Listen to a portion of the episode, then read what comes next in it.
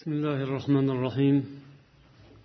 إن الحمد لله نحمده ونستعينه ونستغفره ونعوذ بالله من شرور أنفسنا ومن سيئات أعمالنا. من يهده الله فلا مضل له ومن يضلل فلا هادي له. وأشهد أن لا إله إلا الله وحده لا شريك له. وأشهد أن محمدا عبده ورسوله. أما بعد. Hurmatli birodarlar muhtarama opalar singillar assalomu alaykum va rahmatullohi va barakatuh.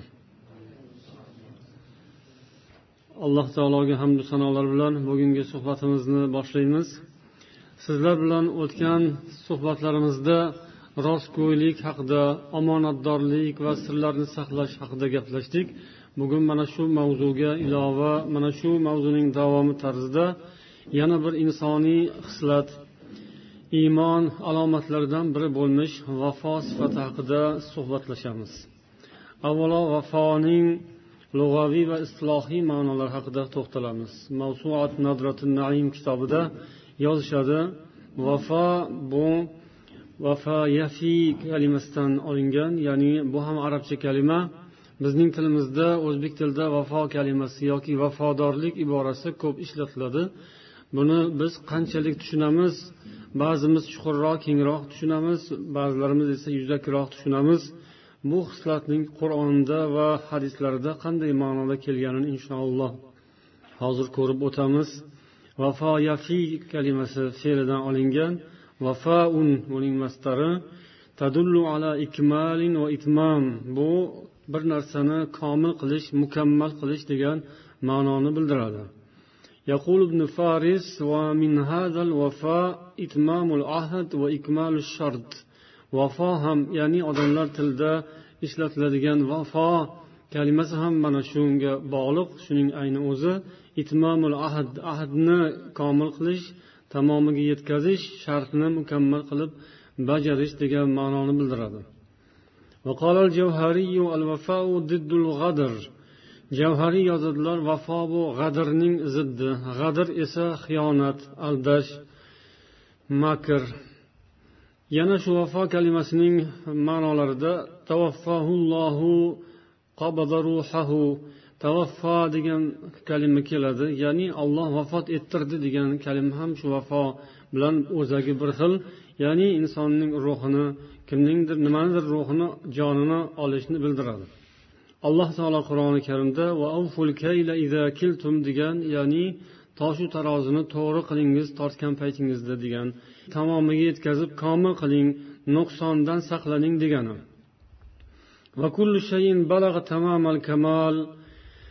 Nimaiki bir komillikka erishgan bo'lsa ana shuni vafo deyiladi tamma deyiladi ya'ni tamomiga yetdi degan.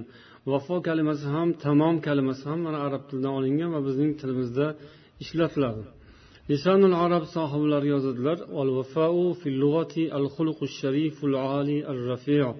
lug'aviy jihatdan vafo bir oliy xislat inson tabiatida bo'ladigan sharafli bir sifat ومنه الوفاء بالعهد وسمي بذلك لما فيه من بلوغ تمام الكمال في تنفيذ كل ما عاهد عليه الله inson ollohga bergan va'dasini ustidan chiqishi olloh bilan bo'lgan o'rtada ahdu paymonga rioya qilishi vafo ahdiga vafo deb aytiladi. Va shu bilan birga insonlar o'zaro oralarida bo'ladigan kelishuvlar va'dalashuvlar buning ham uddasidan chiqishga vafo deyiladi. Bu lug'aviy ma'nolari edi. Endi istilohiy ma'nosida yozishadi al jurjani huwa mulazamatu tariqil muvasat bu vafo degani yordam ehson sheriklik yo'lini tutish o'zaro sheriklik ahdlariga rioya qilishni bildiradi. Johiz esa o'zlarining ta'riflarida shunday keltiradilarki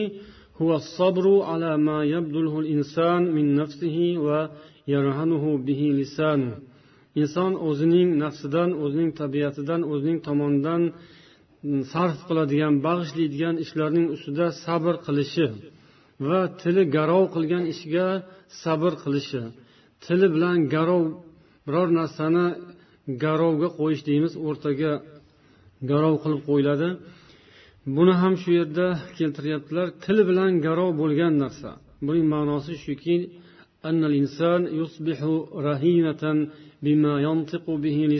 inson til bilan gapirgan narsaning garovi bo'lib qoladi. Til bilan bir narsani gapirsa bir ishni va'dalashsa yoki biror narsani qilishga niyat qilsa shuni tiliga chiqarsa inson shunga o'zi garovga aylanadi. Endi shu garov bo'lgan narsasini ado qilishda inson sabrli bo'lishi kerak. Inson qachonki o'zini o'sha aytgan narsadan ozod qilmaguncha vafoli hisoblanmaydi. O'ziga o'zi lozim qilgan vojib qilgan va'da bergan narsani amalga oshirgandan keyin o'zini ozod qilgan bo'ladi. Bo'lmasam u garov qilib o'zini asr qilib bergan bo'ladi. Tili bilan o'zini o'zi asr qilgan bo'ladi. O'zini go'yoki garov qilib bog'lab bergan bo'ladi. Yo kimgadir yo nimadir narsaga. To o'shani amalga oshirmaguncha inson o'zini ozod qila olmaydi ya'ni o'zi zomin bo'lgan narsadan chiqish bu vafo bo'ladi o'ziga o'zi vojib qilib lozim qilib farz qilib qo'ygan narsadan o'zini ozod qilish kerak فليس يعد وفيا من لم تلحقه بوفائه أذية وإن قلت ozgina bo'lsa ham vafosiga amal qilayotgan mahalda zarar ko'rmagan odamni vafoli deb bo'lmaydi bu haqiqiy vafoli sanalmaydi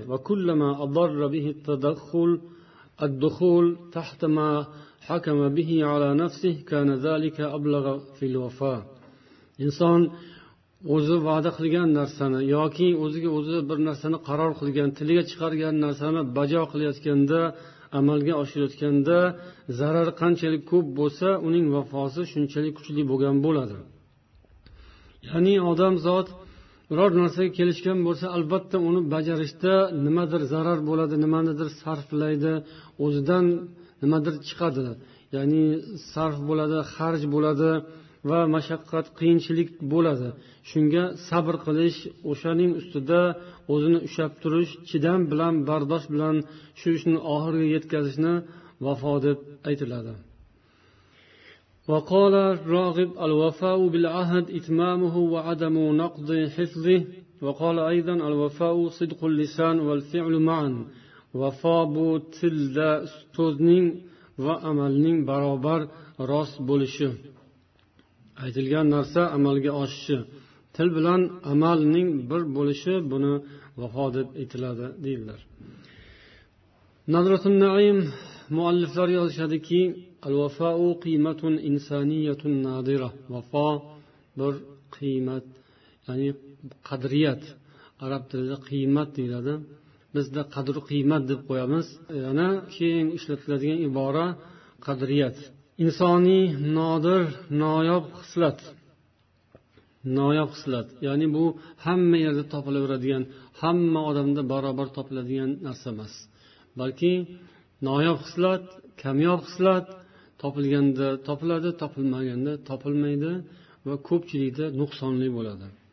Bu iymonga bog'liq iymonning darajasiga qarab bo'ladi. Kimning iymoni kuchli bo'lsa vafosi ham kuchli bo'ladi.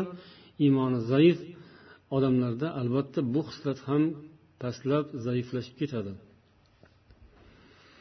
لأنه يرسي دعائم الثقة في الأفراد ويؤكد أواصر التعاون في المجتمع bu vafo xislati har bir shaxsda ishonch paydo qiladigan va jamiyatda o'zaro bir birlari bilan mustahkam aloqalarni yuzaga keltiradigan xislat يقول الراغب الأصفهاني في ذلك الوفاء أخو الصدق والعدل yana rog'ib aytadilarki vafo bu rostgo'ylik va adlning birodaridir g'adar esa yolg'on va jabru sitam zulmning sherigidir vafoli odam rostgo'y bo'ladi rostgo'y odam vafoli bo'ladi ya'ni doim rost gapirishni odat qilgan odam o'ziga shu narsani lozim tutgan odam gapirgan gapini uddasidan chiqmaguncha tinchmaydi. Va u odamda adil ham bo'ladi adolatli ham bo'ladi va u odamda odam boshqalarga boshqalarda u odamga nisbatan ishonch paydo bo'ladi.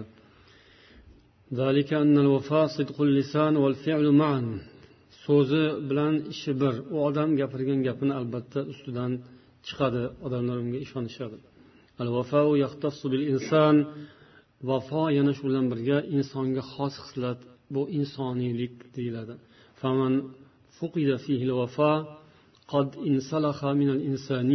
Qaysi bir odamda vafo sifati yo'qolsa u insonlik xislatidan mahrum bo'lgan bo'ladi insoniylikdan chiqqan bo'ladi. Alloh taolo ahdni vafoni iymondan deb sanagan va odamlarning ishlarida mana shu narsa asos bo'lishini joriy qilgan. Odamlar o'zaro bir birlari bilan hamkor bo'lishga bordi keldi qilishga majburlar. Odamzod o'zi yakka yolg'iz yashay olmaydi. Inson doimo jamoat bo'lib bir biri bilan aloqada yashaydi. Bu aloqalarni tutib turish uchun bu doimiy ravishda o'zaro mustahkam inoqlik totuvlik va do'stlik bilan jamiyat hayoti davom etishi uchun albatta ahd va vafo zarur. Faqat shunga rioya qilingandagina insonlarning jamiyatidan ko'zlangan maqsad hosil bo'ladi.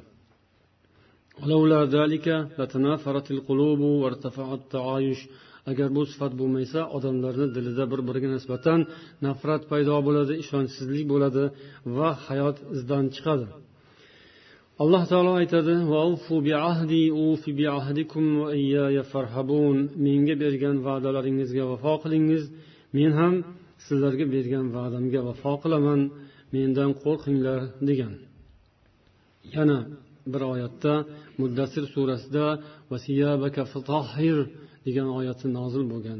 Kiyimingizni poklang degan lug'aviy zohiriy ma'nosi. Lekin ulamolar bu oyatning tafsirida aytishgan ekanki qiyla ay nazzih nafsaka anil g'adar.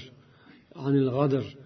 O'zingizning nafsingizni tabiatingizni g'adrdan poklang ya'ni xiyonatdan so'zingizga xilof ish qilishdan poklang degan ma'noni ham berishgan bu oyat qachon nozil bo'lgan islomning avvalida iymon islom endi joriy bo'layotgan mahalda nozil bo'lgan demak islomning avvali vafo bilan boshlangan rostlik bilan rostgo'ylik bilan boshlangan desak bo'ladi مما يدل على أن الوفاء قيمة عظيمة قدرها عرب الجاهلية hatto bu narsa avvalda ham ya'ni johiliyat paytida ham e'tiborli bo'lgan johiliyat arablarida ham vafo va vafodorlik so'zining ustidan chiqish alohida bir insoniy qadriyat sifatida juda ham aziz noyob hislat sanalgan islom dinimiz esa bu narsani tasdiq qilgan chunki islom dini avvaldan birinchi boshlab insoniy qadriyatlar joriy qilgan bu islom ta'limoti bo'ladi. Orada biroz Э, dinlar uzilgan paytda da'vatlar to'xtagan payg'ambarlar to'xtagan paytda islomning asoslari yo'qolib ketgan bo'lsa ham ba'zi narsalar saqlab qolgan saqlanib qolgan bo'ladi. O'shalar albatta islomdan bo'ladi va keyin islom dini qaytib kelgandan keyin ana o'sha avvalda saqlanib qolgan narsalarni tasdiqlaydi va uni rivojlantiradi. Alloh taolo yana qur'oni karimda aytadiki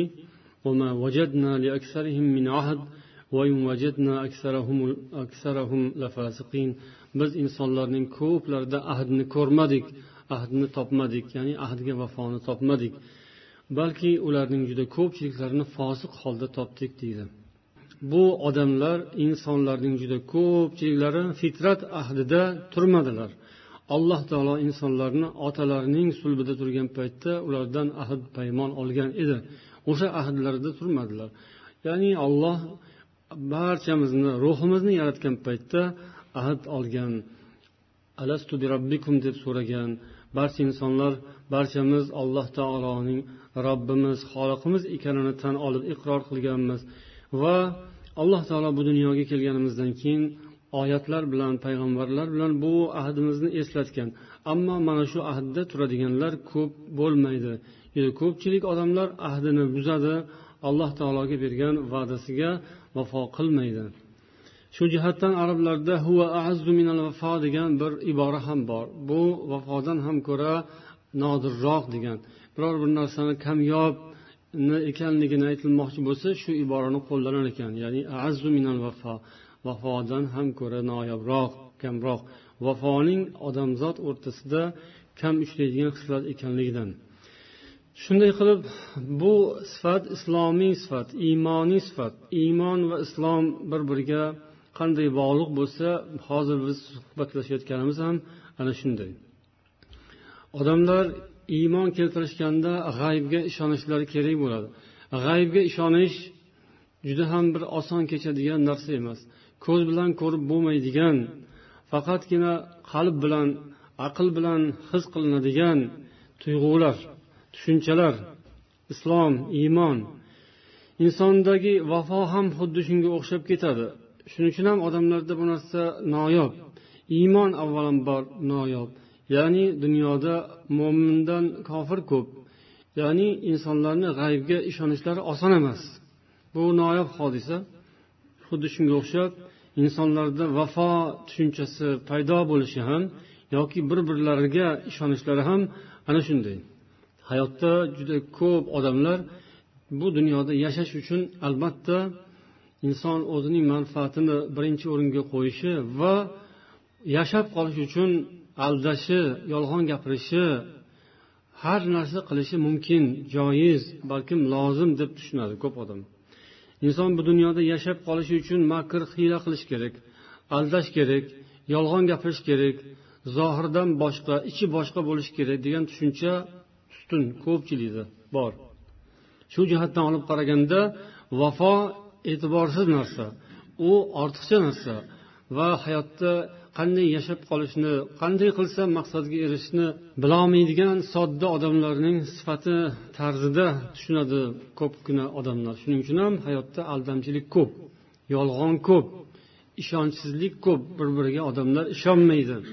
Chunki bu ishonch degan narsa yoki ahdiga vafo qilish degan narsa insonni o'zini ixtiyoridagi narsa. Bu qilsa yaxshi qilmasa ham bo'laveradi. Xohlasa qiladi xohlasa qilmaydigan narsa sifatida ko'pchilikda o'rnashib qolgan. Shuning uchun ham islom bilan iymon bu vafo bir tomonda turadi. Kufr shirk va aldamchilik yolg'onchilik muttahamlik makr hiyla bular hammasi bir tomonda turadi. Mo'min musulmon bo'lgan odamlar bu sifatga e'tibor berishlari kerak avvalo o'zlari oralarida. Musulmonlar birodarlar yoki oila a'zolari tanish bilishlar bir birlariga nisbatan vafoli bo'lishlari va bir birlariga nisbatan ishonchli bo'lishlari omonatdor bo'lishlari talab qilinadi. Ana shundagina islom paydo bo'ladi shunda iymon paydo bo'ladi.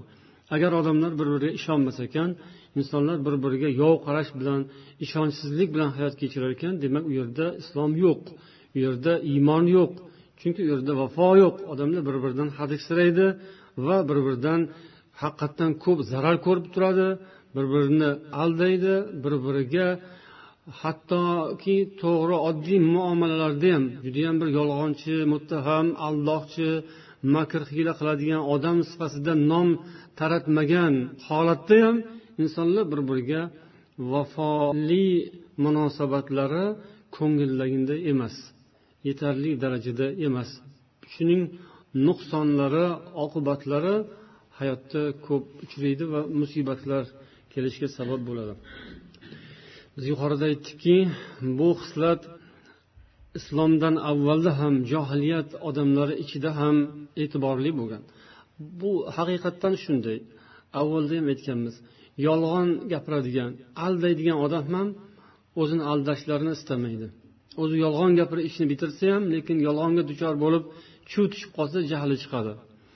Rostgo'ylik adolat vafodorlik o'zi noyob narsa bo'lsa ham lekin buning kerakligini ko'pchilik biladi.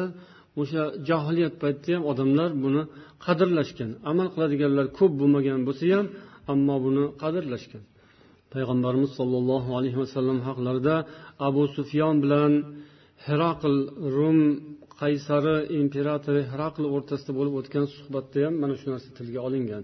Yangi payg'ambar deganligi haqida xabarni eshitib e, shu to'g'risida odamlardan so'rab surishtirib yurgan paytda abu sufyon boshliq bir guruh tijoratchilar shomga borib qolishadi va ularni heroqil o'zining saroyiga chaqirib shunday sizlarda bir payg'ambar chiqdi deb eshitdim.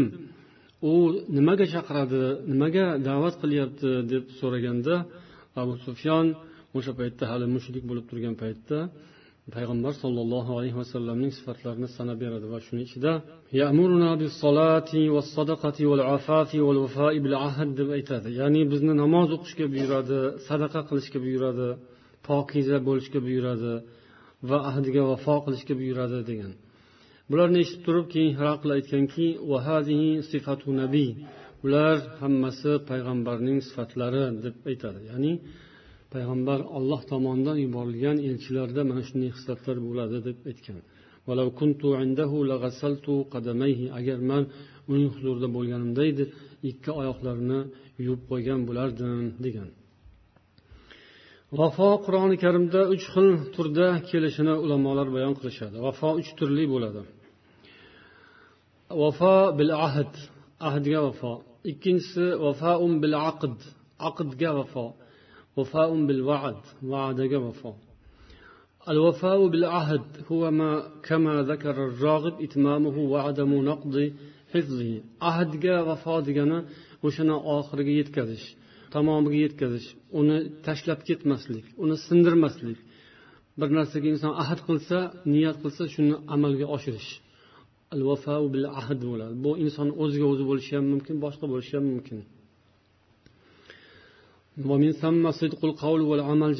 Yuqorida aytganimiz so'z bilan amalning bir bo'lishi og'izdan chiqqan so'zga qilinadigan ishning muvofiq bo'lishi al vafau bil ahd ikkinchisi al vafau bil aqd bu ham yuqorisiga ilova bo'lishi mumkin deydilar ba'zi ulamolar. Yana ba'zilar aytishganki odamlar o'zaro oralarida kelishuvlar imzolashadi shartnomalar tuzishadi. Mana shunga vafo qilishni al vafau bil aqd deyiladi. Aqd ya'ni bog'lash. Aqdi nikoh bo'lishi mumkin nikoh aqdi. Yoki boshqa bir tijoriy ishlarda aqd tuziladi shartnoma kelishuv ittifoq. Shunga rioya qilish al vafau bil aqd endi ammal vafau bil vaad va'daga vafo فالمراد به أن يصبر الإنسان على أداء ما يعد به الغير inson boshqaga o'zidan boshqaga bergan va'dasini ustidan chiqishda sabr qilish bu yerda ham nuqtasi asosiysi sabr ekan ya'ni va'daga vafoda ham inson sabrli bo'lish talab qilinadi odamda sabr bo'lsa keyin va'daga vafo qiladi sabr o'zi mashaqqat ustida qiyinchilik ustida keladigan narsa Qiyinchilik mashaqqatni yonida sabr kerak deymiz. Lekin vafoda ham sabr kerak. Chunki vafo qilish ham oson emas o'shaning uchun ham ko'p odam mm, sifatlanmaydi bu sifat bilan. Oz noyob odamlarda sabr bo'ladi va o'sha sabrli bo'lgan insonlarda vafo bo'ladi. Ular bergan va'dalarini ustidan chiqish uchun ba'zi zararlarga rozi bo'lishadi. Man shuni gapirib qo'yganman aytib qo'yganman endi shuni qilmasam bo'lmaydi deb inson o'sha zararga rozi bo'ladi. Ba'zilar esa rozi bo'lmaydi. Ba'zilar har qadamda yengidan hisob qilaveradi. Har kuni yengitdan hisob qilaveradida yo bo'ldi manga to'g'ri kelmas ekanda bugun va'da berib ertasiga bemalol va'dasidan tonib ketaveradi. Yoki umuman va'da bermaganday gapirmaganday og'zidan u so'z chiqmaganday hech narsa bo'lmaganday ketaveradiganlar ham bo'ladi. Qur'oni karimda vafo haqida kelgan oyatlarning turlariga nazar solamiz. Vafo haqida kelgan oyatlarga qarasak bir qismi buyruq tarzida kelgan ekan. Ya'ni vafo qilinglar vafo qilinglar va'dani bajaringlar deb olloh buyruq tarzida yuborgan. Yana bir qancha oyatlarda esa vafo bilan iymonni yonma yon zikr qilgan vafoni iymonga qo'shib zikr qilgan. Misollarni ko'rib o'taylik. Alloh taolo aytadiki ya bani isroil alaykum. Ey banu isroil sizlarga ato qilgan ne'matlarimni eslangiz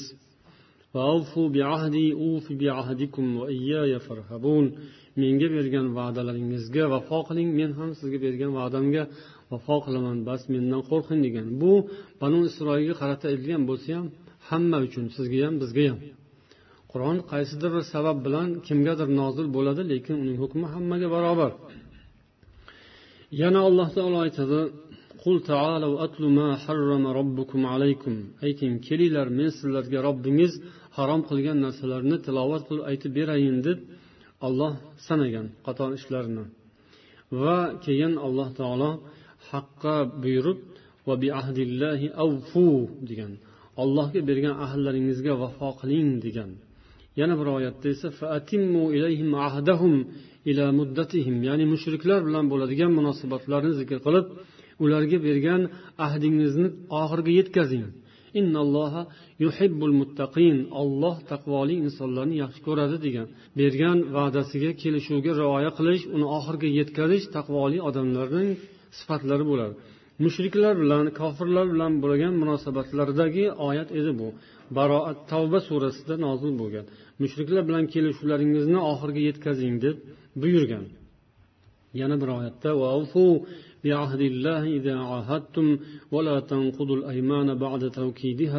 allohga bergan va'dangizni buzmangiz va'dalaringizni qasamlaringizni buzmangiz ta'kidlab o'zaro va'dalashganingizdan keyin o'shani amalga oshiringiz degan. Yana ahdiga vafo qiling. Ahd albatta so'raladi. Ahd haqida albatta so'raladi deydi. Endi ahd vafoni iymon bilan qo'shib zikr qilingan oyatlarga nazar solamiz ليس البر أن تولوا وجوهكم قبل المشرق والمغرب ولكن البر من آمن بالله deb boshlanadigan oyat baqara surasida bir yuz yetmish yettinchi oyatda yaxshilik bu yuzingizni mashriq yoki mag'rib tomonga yo'naltirish bilan bo'lmaydi bu yerda yaxshilik deb aytilyapti e'tibor bering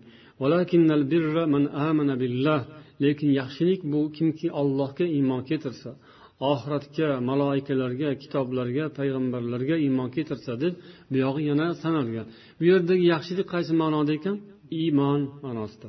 Iymon deganda mana shu ya'ni allohga iymon keltirish va mana shu sifatlarni zikr qilib olloh oxirida aytadiki ahdlashgan paytlarida ahdlariga vafo qiladigan insonlar ular iymonli bo'ladilar degan yana إن الذين يشترون بعهد الله وأيمانهم ثمنا قليلا أولئك لا خلاق لهم في الآخرة ahdlarini allohga bergan ahdlarini va va'dalarini ozgina pulga almashadigan kimsalar ularga oxiratda hech bir nasiba yo'qdir degan olloh ular bilan oxiratda so'zlashmaydi yana أفمن يعلم أنما أنزل إليك من ربك الحق كمن هو أعمى sizga robbingizdan nozil bo'lgan narsani haq deb bilgan inson ko'r ma'naviy ko'r inson bilan barobar bo'ladimi bu haqiqatlarni aql egalari eslaydilar undan foyda oladilar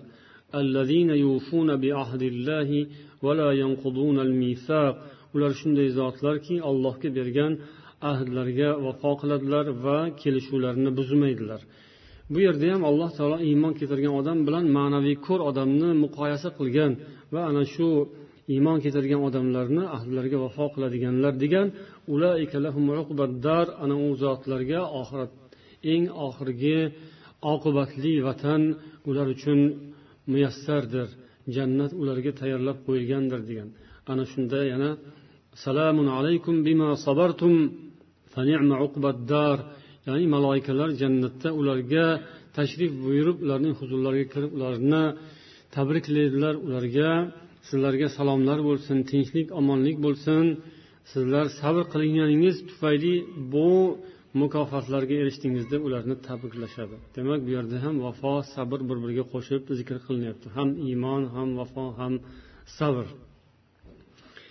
Yana alloh taolo maorij surasida ham inson zoti hovliqma besabr betoqat qilib yaratilganligi haqida gapirib namozxonlarni zikr qilgan. Illal musallun deb namoz o'qiy illal musallin deb namoz o'qiydiganlarni istisno qilgan va keyin bir qancha sifatlarni sanagan va bularning oxirida yana shu ahdga vafo qilish bergan va'dasini buzmaslik bilan tugatgan. Shunday qilib namoz bilan boshlab namoz bilan tugatilgan bu sifatlarni ichida vafodorlik va so'ziga o'zining so'ziga rioya qilish bu ham sanab o'tilgan. Ya'ni namozxon odamlarni sifati shunday bo'lishi kerak.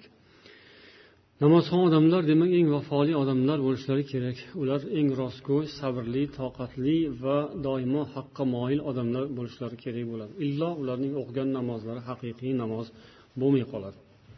Yana alloh taolo qur'oni karimda vafo haqida nozil qilgan oyatlarning ko'pida olloh va payg'ambarlarning sifatlari ekanligini ham bayon qilgan. Ya'ni vafo ollohning sifati alloh taolodek va'dasiga vafo qiladigan zot bormi deydi.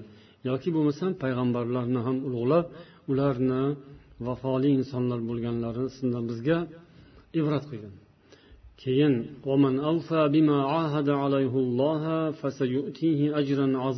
kimki ollohga bergan va'dasida turadigan bo'lsa olloh unga ulkan ajr ato qiladi. Demak alloh huzurida ulug' mukofotlarga erishish vositasi vafoli bo'lishdir. Biz yuqorida aytdikki bu sifat insonga har lahzada lozim zarur. Alloh taolo huzurida chiroyli ibodat qilish uchun ham insonda bu sifat bo'lishi kerak. Agar allohning ibodatini inson chiroyli bajo qila olmayotgan bo'lsa demak unda mana shu xislat nuqsonli unda yaxshilik qadrini bilish va alloh taoloning qilgan yaxshiliklarga yarasha javob qaytarish xislati shukur sifati va vafo sifati unda nuqsonli ekanini ko'rsatadi.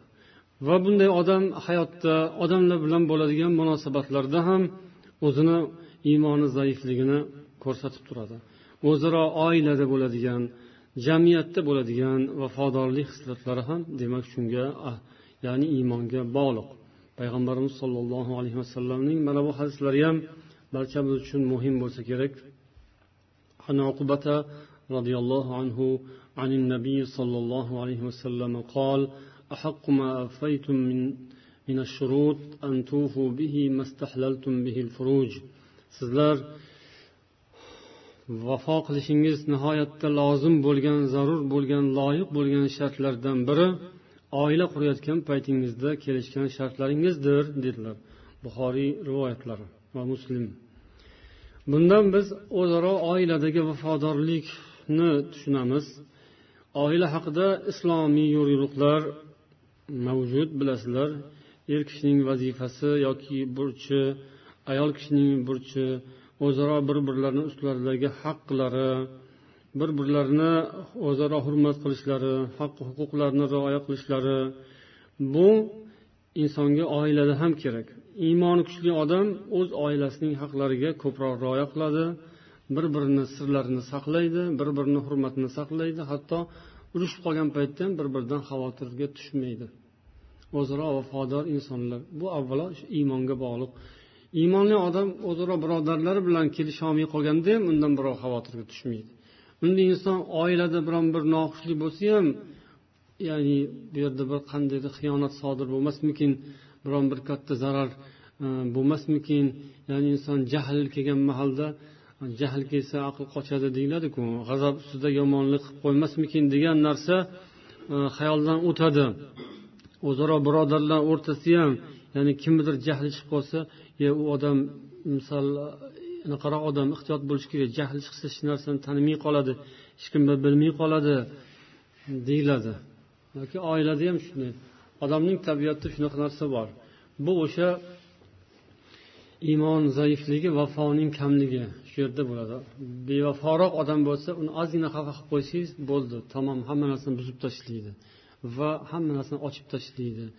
sir ham qolmaydi boshqasi ham qolmaydi sharmandalik vafo insonga hamma yerda kerak olloh bilan ham bandalar bilan ham oilada ham er xotin o'rtasida ham bola chaqa farzandlar birodarlar o'rtasida ham zarur narsa عن عبادة بن الصامت رضي الله عنه الصامت أن رسول الله صلى الله عليه وسلم قال idmanu li sittan min anfusikum admanu lakumul janna sizlar menga o'zingiz tomoningizdan oltita narsani guvohligi olti narsaning va'dasini bering kafolatini bering men sizlarga jannat kafolatini beraman dedilar gapirganingizda rost gapiring va'da qilsangiz va'dangizni ustidan chiqing omonat qo'yilgan bo'lsa omonatingizga rioya qiling عن عبادة بن الصامت رضي الله عنه yana bu kishidan rivoyat bo'lgan imom buxoriyda kelgan hadisda alloh taologa bergan va'dalaringizni ustidan chiqing degan nasihat bor.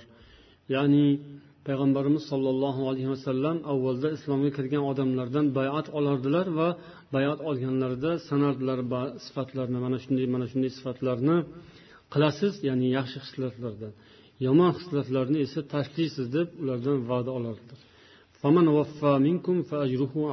Kimki mana shularga vafo qilsa uning ajri alloh taolo zimmasidadir. Ya'ni bu inson agar ibodatini islom amallarini chiroyli bajarsa allohga u vafo qilgan bo'ladi. Yana ibodatlarni o'z vaqtida chiroyli bajarish bilan birga ba'zi ishlarni inson agar o'ziga o'zi lozim tutgan bo'lsa u ham allohga vafo qilish qatorida bo'ladi.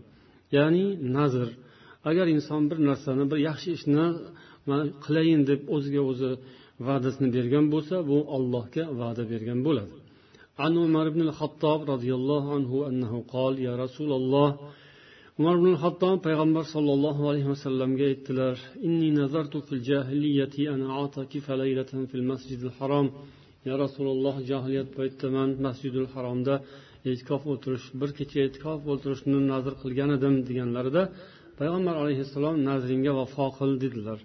Ya'ni e'tikof o'tir. Shundan keyin umar roziyallohu anhu e'tikof o'tirdilar. Yana bir hadislarida alloh taolo uch toifa odamni qiyomat kuni nazarga olmaydi ular bilan gaplashmaydi so'zlashmaydi dedilar. Va bu bilan ham yana odamlarni so'zlariga vafo qilishga chaqirdilar. Bir inson ya'ni shu alloh taoloning nazaru marhamatidan chetda qoladigan insonlardan biri. Rajulun ala ma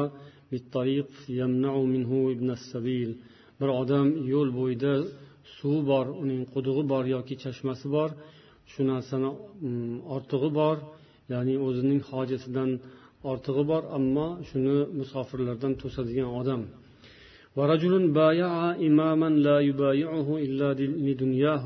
Bir imomga bayat bergan bir amirga bayat bergan u dunyo uchun bayat bergan bo'lsa agar dunyodan unga mol dunyodan berib tursa bayatiga vafo qiladi agar bermasa vafo qilmaydi. Bu odam ham ollohning nazaridan qolib ketadigan odam. Yana bir hadisda payg'ambar sollallohu alayhi vasallam aytdilar jahiliyat paytidagi kelishuvlaringizga rioya qilingiz dedilar. Chunki islom bu narsalarni faqat ta'kidlaydi kuchaytiradi. Islom islomga kelgandan keyin bunday kelishuvlarni paydo qilmangiz dedilar. Imom termiziy rivoyatlari. Bu hadisning ma'nosida aytishadiki islomdan avvaldagi kelishuvlar agar yaxshilik ustida bo'lgan bo'lsa mazlumlarga yordam berish haqni himoya qilish mana shunday kelishuvlar bo'ladigan bo'lsa bunga davom etib rioya qilish kerak. Ammo islomda bunday kelishuvlarni paydo qilmangiz deganlarning ma'nosi shu ekanki islom dinining o'zi kifoya qiladi. Islomga amal qilinglar. Islomga amal qilsangiz uning ichida hamma narsa bor.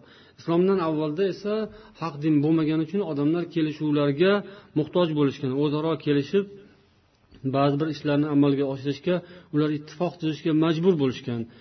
Islomga kelgandan keyin esa islom birinchi galda turadi. Ya'ni har xil ittifoqlar har xil kelishuvlar bular birinchi o'rinda turmaydi. Avval islomga amal qilish kerak. Islom bu barchasini o'rnini bosadi. Lekin bu degani islomda ittifoq tuzish mumkin emas degani emas balki ma'nosi hali yuqorida. Islomda ham o'zaro kelishuvlar bo'ladi. Yuqorida aytib o'tildi. Kelishuvlarga rioya qilish bu ham farz. Yana bir hadisda payg'ambar sollallohu alayhi vasallam aytadilar kanat banu isroil tasusuhumul anbiya.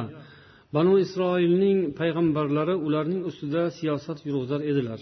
Mana shu tasusuhum ya'ni siyosat degan ibora hadislarda mana shu hadisda kelgan ya'ni odamlarni ishini boshqarish degani. Har safar bir payg'ambar vafot bo'lsa o'rnida boshqa bir payg'ambar olloh yuborar edi. Mendan keyin payg'ambar kelmaydi. Mendan keyin xalifalar kelishadi ular ko'p bo'lishadi. Bizni nimaga buyurasiz yo rasululloh? deb odamlar so'rashdi. Payg'ambar aytdilarki fu birinchisi kim bo'lsa o'shanga bergan bayatingizga vafo qilingiz dedilar. Ularning haqqini ado qilingiz. Albatta alloh taolo ulardan so'raydi. Ya'ni ularning ularga olloh kim qaysi bir xalqqa yoki qavmga toifaga bosh qilib qo'ygan bo'lsa ularni haqida olloh qiyomat kuni so'raydi. Sizlar ularning haqqini beringiz. Dedilar. Ya'ni sizning ustingizdagi amirlaringizning haqqini ado qilingiz. Birinchisiga bayat beringiz deganning ma'nosini ulamolar sharhlab aytishadiki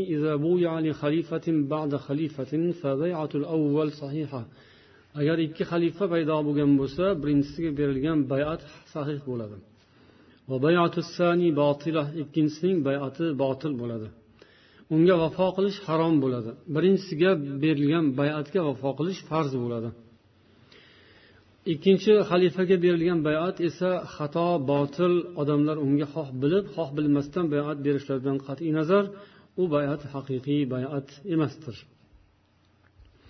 عن عبد الله بن عامر رضي الله عنه أنه قال دعتني أمي يوما ورسول الله صلى الله عليه وسلم قاعد في بيتنا abdulloh ibn omir aytadilar bir kuni payg'ambar sollallohu alayhi vasallam bizning uyimizga mehmon bo'lib keldilar. O'tirgan paytlarida onam meni chaqirdilar. E, Hoy bu yoqqa kel man uni bir narsa beraman deb aytdilar. Keyin payg'ambar sollallohu alayhi vasallam onamdan so'radilar bolangga nima bermoqchi eding? dedilar. Qolat tamran xurmo bermoqchiman. فقال لها رسول الله صلى الله عليه وسلم أما إنك لو لم تعطيه شيئا كتبت عليك كذبة agar sen bolangga hech narsa shu aytgan narsangni bermaganingda albatta sening ustingga bir yolg'on yozilgan bo'lardi dedilar bundan ko'rinadi inson og'zidan chiqqan so'zi va qilgan va'dasi albatta hisob kitobli. U kimga aytgan bo'lishidan qat'iy nazar. Eng avval boshlab allohga berilgan va va'da ya'ni har bir inson mo'min musulmon ekan. Eng avval undan ham avvalroqqa nazar soladigan bo'lsak allohga biz ruhlarimiz bergan va'da. Bu dunyoga kelganimizdan keyin kalima keltirdik o'sha va'dalarimizni yangiladik va va'damiz allohga bergan ahdimizni yangilagan bo'lamiz. Payg'ambarlar bizga buni eslatishgan bo'ladi. Kitoblar qur'on oyatlari hadislar eslatgan bo'ladi. Biz uni takrorlab yangilagan bo'lamiz. Kalima aytib islomga kirdik. Islom ahkomlarini bo'ynimizga olgan bo'lamiz. Farzlar vojiblar sunnatlar mustahablar. Bularni bajarishimiz alloh taologa bergan va'damizga vafo qilishimiz bo'ladi.